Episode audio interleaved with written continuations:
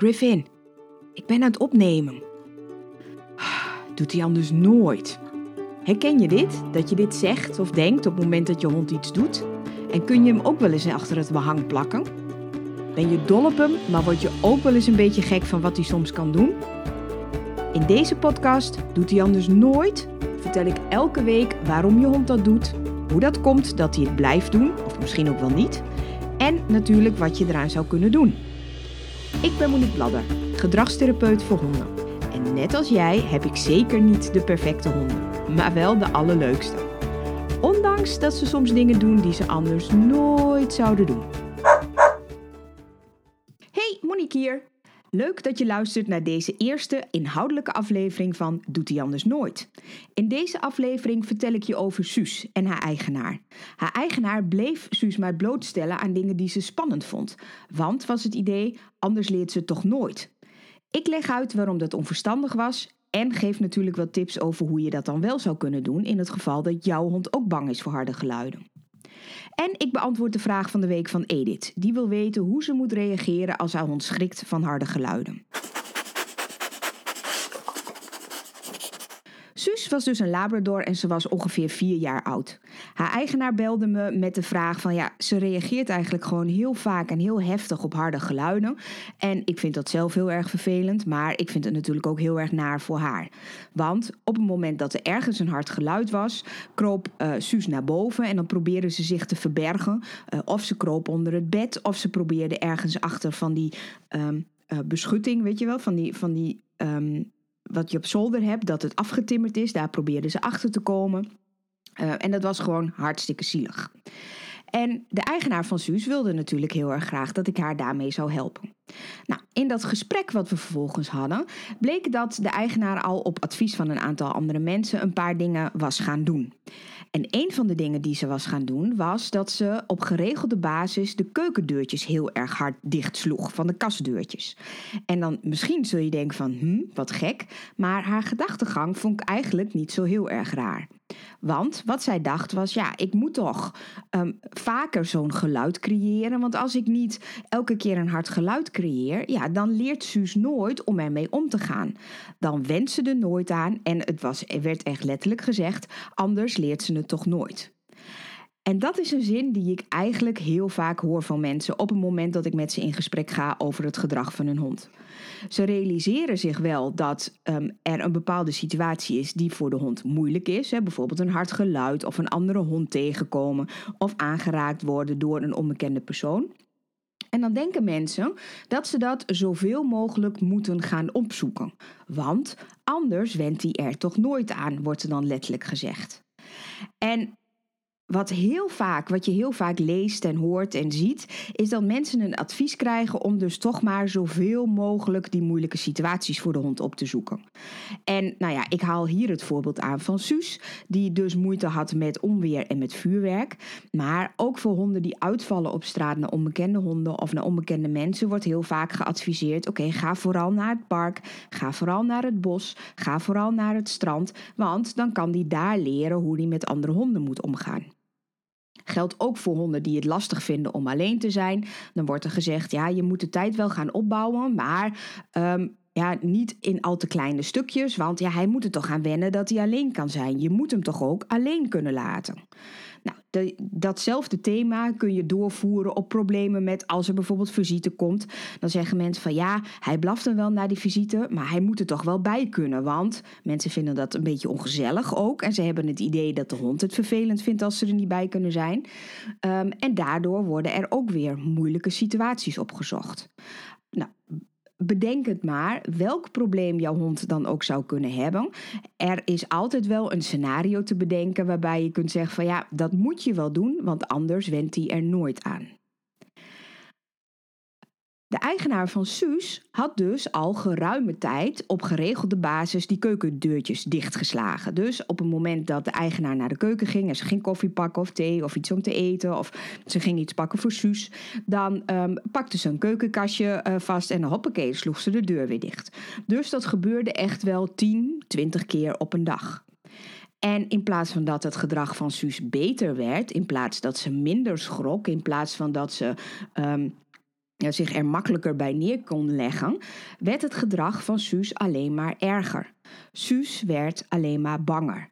Ze, was niet alleen maar, ze reageerde niet alleen maar meer op een hard geluid, maar ook op kleine geluiden die een beetje leken op het dichtslaan van een deur, begon ze al te reageren. Dus als er iets op de tafel neergezet werd, dan sprong Suus al op en mm, ging ze al bijna richting de trap om naar boven te vluchten.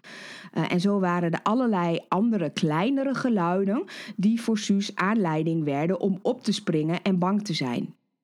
En het was voor de eigenaar de druppel die de emmer deed overlopen. Dat ze merkte dat Suus eigenlijk op het moment dat de eigenaar naar de keuken toe liep, dat Suus al heel erg onrustig werd.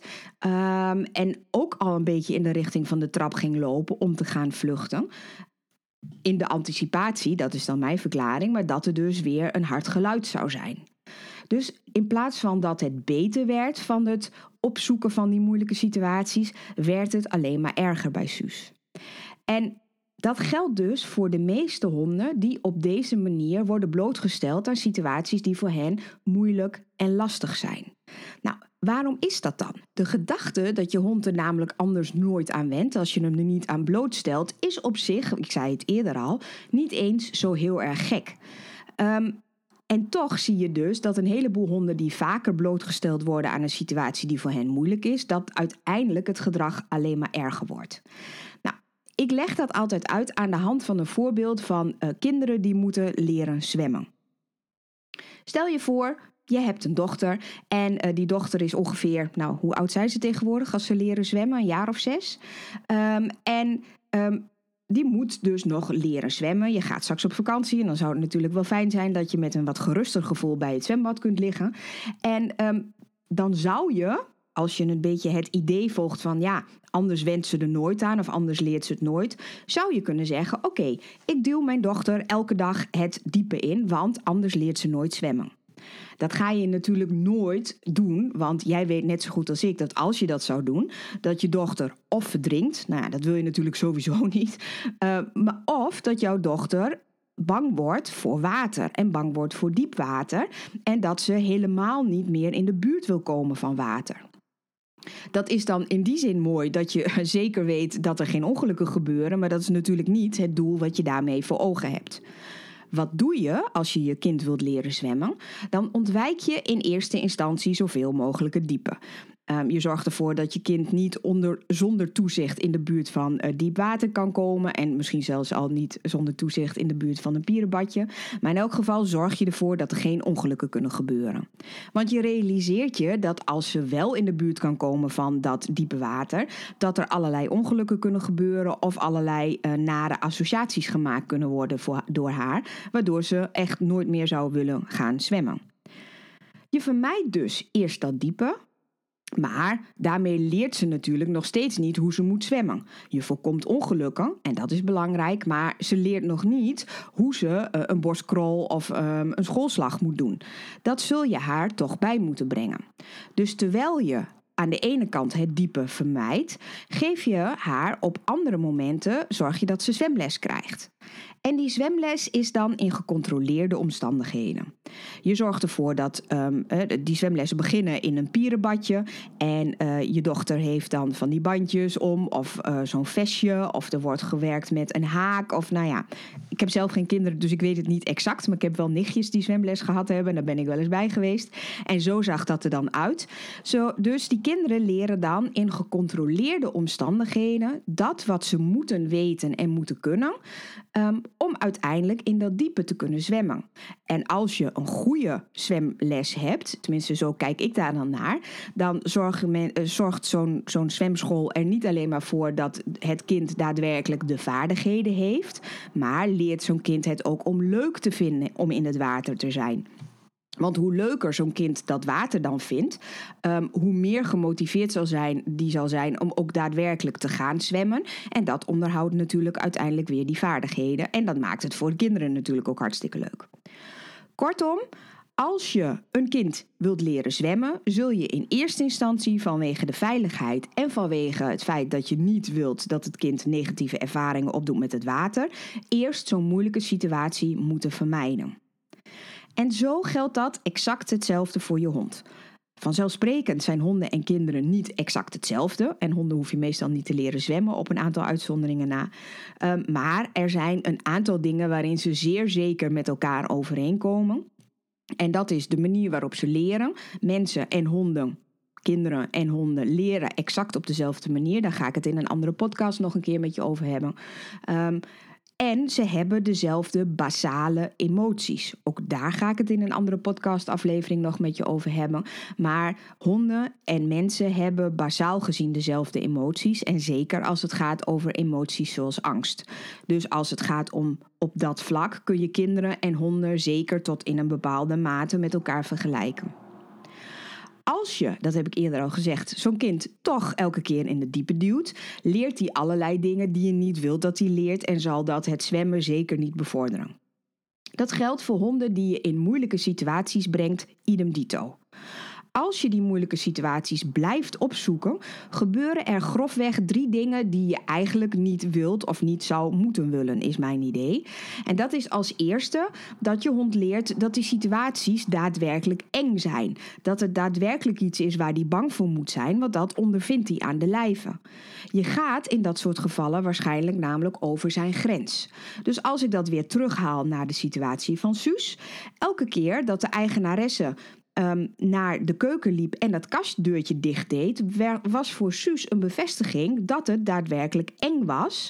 En dat het op het moment dat de eigenaar naar die keuken toe liep, dat dat voorspelde dat er weer iets spannends ging gebeuren. Namelijk, zo'n keukenkastje werd dichtgegooid en daar schrok zich, zij zich van te pletter. Dus ehm, alle kleine dingetjes die iets gingen voorspellen voor Suus dat het spannend werd, werd ook spannend. Dus het werd alleen maar erger. Een tweede ding wat je hond leert als je op geregelde basis moeilijke situaties opzoekt voor je hond, is dat hij ook vervolgens leert dat zijn gedrag een effectieve manier is om om te gaan met die moeilijke situatie. Voor Suus was dat het vluchten naar boven, het naar boven gaan en daarom ging ze elke keer al in de richting van de trap. Suus had namelijk in de loop der tijd geleerd dat als je bang bent voor zo'n hard geluid, kun je het beste naar boven gaan en je daar zo ver mogelijk verstoppen. Um, want dat is, helpt in elk geval iets.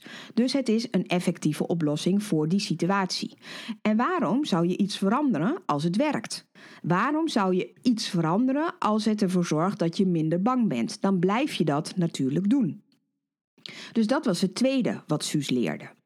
En een derde ding wat het oplevert als je elke keer maar zo'n moeilijke situatie opzoekt, is het feit dat de hond daar stress van geeft krijgt.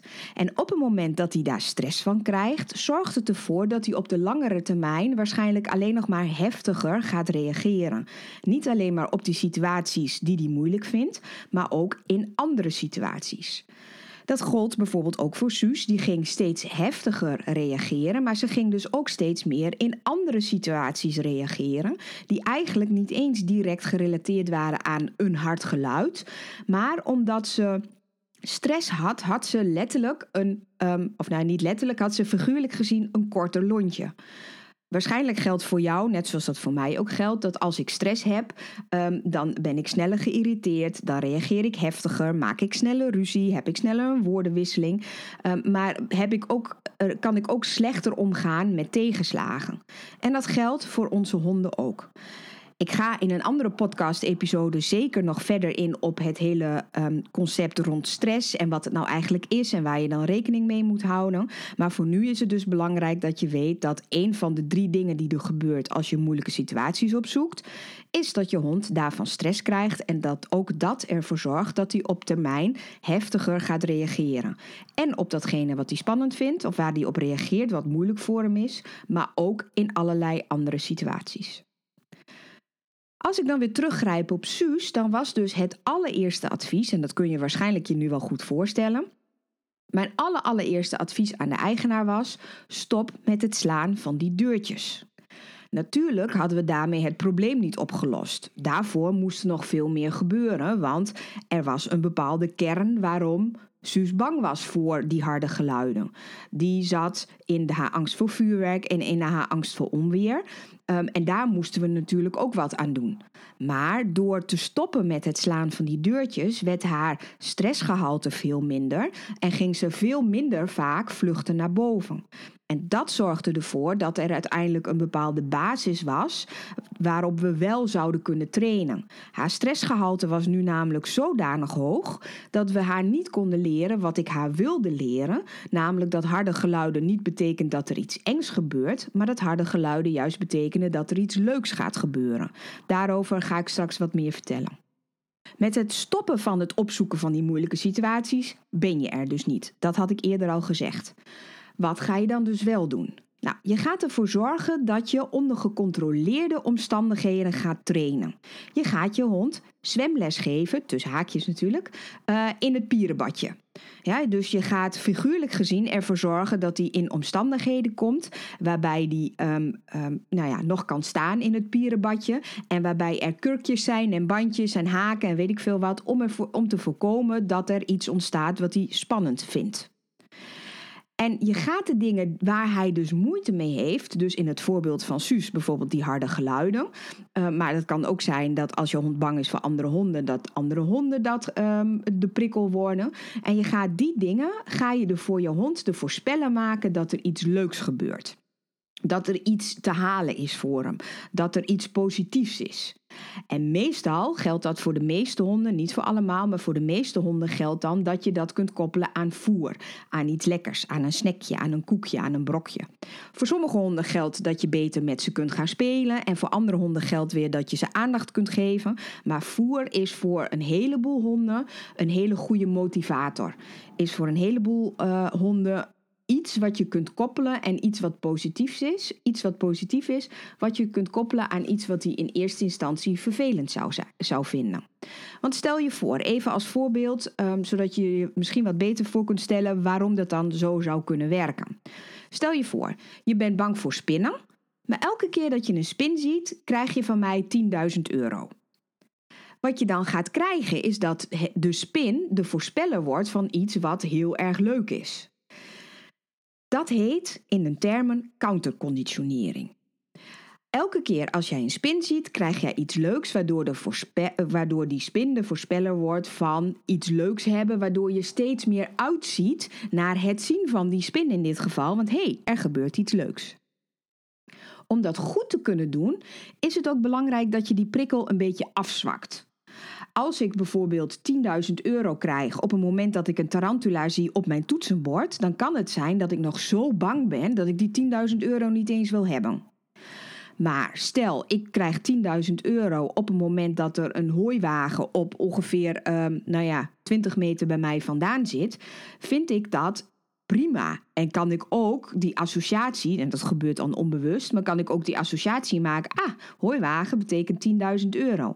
Dan ga je vervolgens die spin steeds spannender maken. Dus je gaat van een hooiwagen en tussenstapjes die daar misschien zijn. Ik heb geen idee, ik heb verstand van honden, niet van spinnen. Maar stel je voor dat. Ga je van die hooiwagen in stapjes een tarantula maken. Eerst op 20 meter. En dan ga je die tarantula steeds dichterbij halen. Uh, en elke keer weer blijft dat voor mij de voorspeller dat ik 10.000 euro krijg. Als je dat dan vertaalt naar de situatie met jouw hond, is het dus belangrijk dat je als eerste op zoek gaat naar iets wat van jouw hond heel erg leuk is, iets heel erg positiefs is. En dat kan dus voer zijn, dat kan spel zijn, dat kan aandacht zijn, maar iets wat hem heel erg motiveert, wat hij heel graag wil hebben. En waar je naar gaat kijken is naar of je de prikkel waar jouw hond op reageert, of je die in intensiteit kunt verzwakken, kunt verminderen. Als het gaat over geluiden, dan werk je heel vaak met geluidsbestanden. Uh, want daar kun je dan heel makkelijk aan de volumeknop draaien en kun je zo zacht mogelijk beginnen. Denk aan de hooiwagen op 20 meter afstand. Als het gaat over voorwerpen of wat we noemen sociale prikkels, uh, mensen, andere honden, dan kun je heel vaak die prikkel afzwakken en minder intens maken door de afstand te vergroten. Uh, want op het moment dat een afstand groter is, is die prikkel minder intens. Um, een hele grote, zware man met een honkbalknuppel is heel eng als die op een meter afstand van je staat. Maar als die op 300 meter afstand staat, kan die nog steeds heel erg eng zijn. Of kan die nog steeds eng zijn, maar is die minder eng. Ja, en zo ga je dus als eerste kijken naar: oké, kan ik iets vinden wat voor mijn hond heel erg leuk of lekker is? En als tweede ga je dus kijken: kan ik die prikkel waar mijn hond op reageert qua intensiteit minder maken? Door of te werken met het volume of te werken met de afstand. Want op zo'n afstand, en als je dat dus koppelt aan iets heel erg leuks, dat is de situatie waarin je hond er wel aan kan wennen. Op het moment dat je hem in het diepe duwt, niet. Maar op het moment dat je hem in het pierenbadje uh, doet met allerlei hulpmiddelen erbij, dan lukt het wel. En dat is dus wat je doet met als je die training gaat doen, dan ga je dat pierenbadje gebruiken.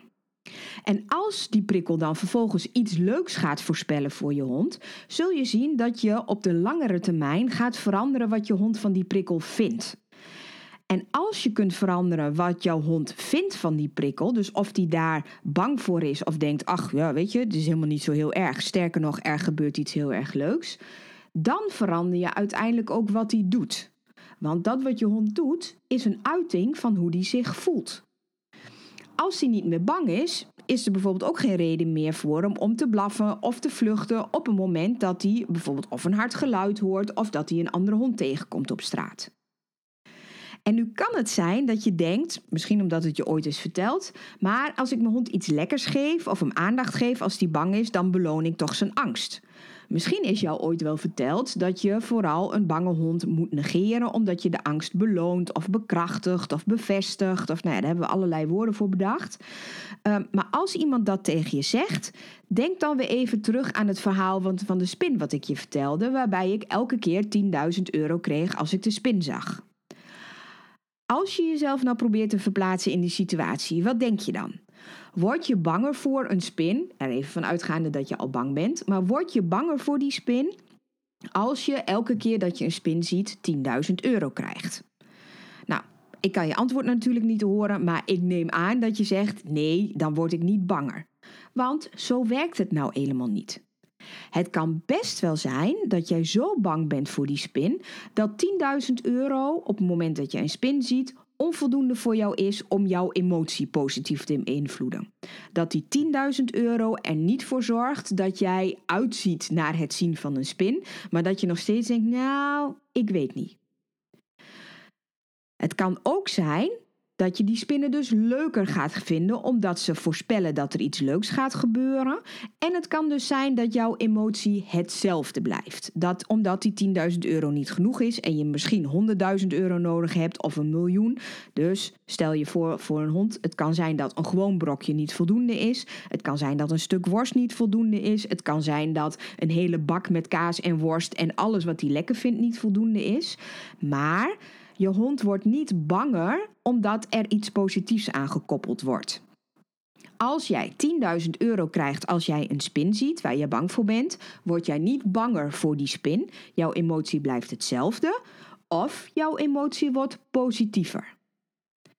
Als je hond dus reageert omdat hij ergens bang voor is, is er dus absoluut niks mis mee om of voer te gebruiken, maar ook dat je je hond gerust mag aaien of mag kroelen of even aan mag raken. Um, want dat is een van de dingen die ik heel vaak zie en hoor, hoor, gebeuren. En daar krijg ik altijd een beetje buikpijn van. Dat mensen op het hart gedrukt is dat ze een bange hond moeten negeren omdat het anders erger wordt. Met het gevolg dat mensen dat heel vervelend zien om hun bange hond te zien. Maar ook het gevolg dat je dus een hond hebt die probeert bij zijn eigenaar steun te vinden. Want als wij bang zijn, vinden we het ook fijn als er iemand een arm om ons, uh, om ons heen slaat. Ehm, en dat hij dat dan vervolgens niet krijgt. Daar krijg ik echt buikpijn van. En het mag dus gewoon. Help je hond, steun je hond, geef hem iets lekkers, probeer met hem te spelen als hij dat wil, of kroel hem gewoon een beetje als hij dat fijn vindt. Je hoeft er geen ding van te maken, dus ga niet zeggen: Oh ja, kom maar hier, want het is wel heel erg eng hè, en het is wel heel erg erg. Want dan denkt je hond: Wat de fuck, wat is er allemaal aan de hand? En dan kan het zijn dat hij wel wat angstiger wordt.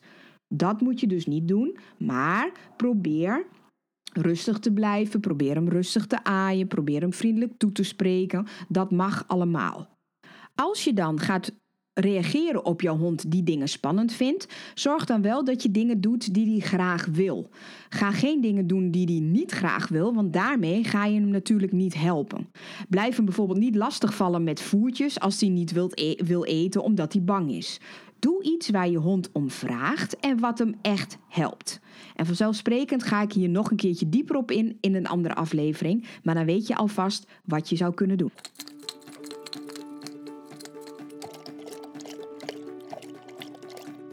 De Doet hij anders nooit? Vraag van de week. Vraag van de week komt deze week van Edith. Zij heeft de eer om als eerste hier uh, in deze podcast besproken te worden met haar vraag, die ik natuurlijk een beetje heb uitgezocht in aansluiting op de rest van dit onderwerp. Zij zegt: Als mijn hond Pip een hard geluid hoort, zoals onweer of vuurwerk, dan wil ze vluchten naar de badkamer. Uh, dat is nogal onpraktisch en um, ze vindt het ook heel erg zielig. En ze vraagt aan mij: wat kan ik daar dan het beste aan doen? Nou, ik snap heel erg goed dat je dat um, zielig vindt. En ik snap ook heel erg goed dat het onpraktisch is. Maar ik zou je in eerste instantie aanraden, Edith, om toch je hond de kans te geven, om Pip in dit geval toch de kans te geven om naar de badkamer te gaan. Dat is namelijk haar beste manier om haar eigen emotie te reguleren. En als je dan gaat proberen om iets, haar iets anders te laten doen op het moment dat ze nog echt in haar angst zit, dan kan het zijn dat je het alleen maar erger maakt. Stel je voor, jij bent ergens bang voor en uh, jouw partner pakt je dan vervolgens bij je pols en zegt: Kom, we gaan even hier naartoe, dat kunnen we beter doen, dit is veiliger. Daar wordt waarschijnlijk jouw angst niet minder van. En dat zie je bij honden meestal ook. Dus geef je hond op het moment dat hij iets wil doen uit angst, geef hem of haar zoveel mogelijk de gelegenheid om ook daadwerkelijk dat te doen wat hij wil. Natuurlijk zit daar de restrictie aan dat het veilig moet zijn. Het moet veilig zijn voor de omgeving. Uh, want als jouw hond uh, als die bang is, andere mensen gaat bijten, is dat natuurlijk niet iets wat je hem gewoon laat doen. Um, en het moet ook veilig zijn voor de hond zelf. Dus als je hond weg probeert te lopen en hij vlucht ergens de weg op, dan laat je dat natuurlijk ook niet toe. Maar als het um, qua omstandigheden goed te doen is en veilig te doen is om je hond uh, dat te laten doen wat hij zelf wil, laat dat dan vooral. Ik had ook wel eens een hond die bijvoorbeeld eh, wegkroop onder zo'n heel klein tafeltje. Ja, en dat, dat breekt je hart dan een klein beetje. Dat snap ik heel erg goed. Maar jouw hond kiest voor datgene wat hem op dat moment zich het beste laat voelen. En laat hem dat dan doen. Daarmee los je het natuurlijk niet op, want om het echt op te lossen zul je moeten gaan trainen en zul je die emotie moeten veranderen. Maar laat in eerste instantie je hond datgene doen wat hij graag zou willen doen. En wat ook heel goed kan helpen is dat je een zogenoemde veilige haven creëert. Een veilige haven is een plek waar je hond zich terug kan trekken en die maak je dus zo comfortabel mogelijk. Dat kan bijvoorbeeld een bench zijn met een deken eroverheen en een dekbed erin, um, die je op een plek zet waar je hond ook wel graag gaat liggen. En dan doe je die deur dus niet dicht, want de hond mag erin en eruit wanneer die zelf wil. En die zet je dus op een plek die die prettig vindt. Een belangrijk kenmerk van zo'n veilige haven is dat als je hond in die veilige haven ligt, je nooit het initiatief neemt om er ook weer, hem er weer uit te halen. Ook niet als je bijvoorbeeld wilt wandelen of hem een koekje wilt geven of weet ik veel wat. Als hij in zijn veilige haven ligt, blijft hij daar totdat hij zelf besluit om er weer uit te gaan. Als je dat namelijk niet doet, als je niet dat initiatief bij je hond houdt, wordt het al veel minder veilig en verliest het volledig zijn functie. Zo'n veilige haven is dus ook een handig ding om aan te leren op het moment dat je een hond hebt die bang is. Heb je nou ook een vraag die je besproken wilt hebben in deze podcast? Stuur dan je mail naar contact@moniquebladder.nl en dan kan het zijn dat ik jouw uh, vraag beantwoord in een van de volgende afleveringen van Doet hij anders nooit. Leuk dat je geluisterd hebt naar deze allereerste echte aflevering van Doet hij anders nooit.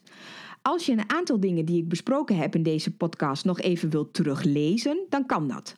Op mijn website heb ik een aantal artikelen voor je verzameld die je nog als achtergrondinformatie bij deze podcast kunt lezen. Ga hiervoor naar moniquebladder.nl slash doet die anders nooit, dus helemaal aan elkaar, liggend streepje 2. Bedankt dat je hebt geluisterd naar Doet die anders nooit. Ik hoop dat ik jou en je hond wat verder heb geholpen. Wil je geen enkele Doet die anders nooit missen? Abonneer je dan op mijn podcast en nog beter, laat een review achter. Zou ik super blij mee zijn. Wil je dat ik jouw vraag ook beantwoord in deze podcast? Mail dan naar contact@moniquebladder.nl. Tot volgende week.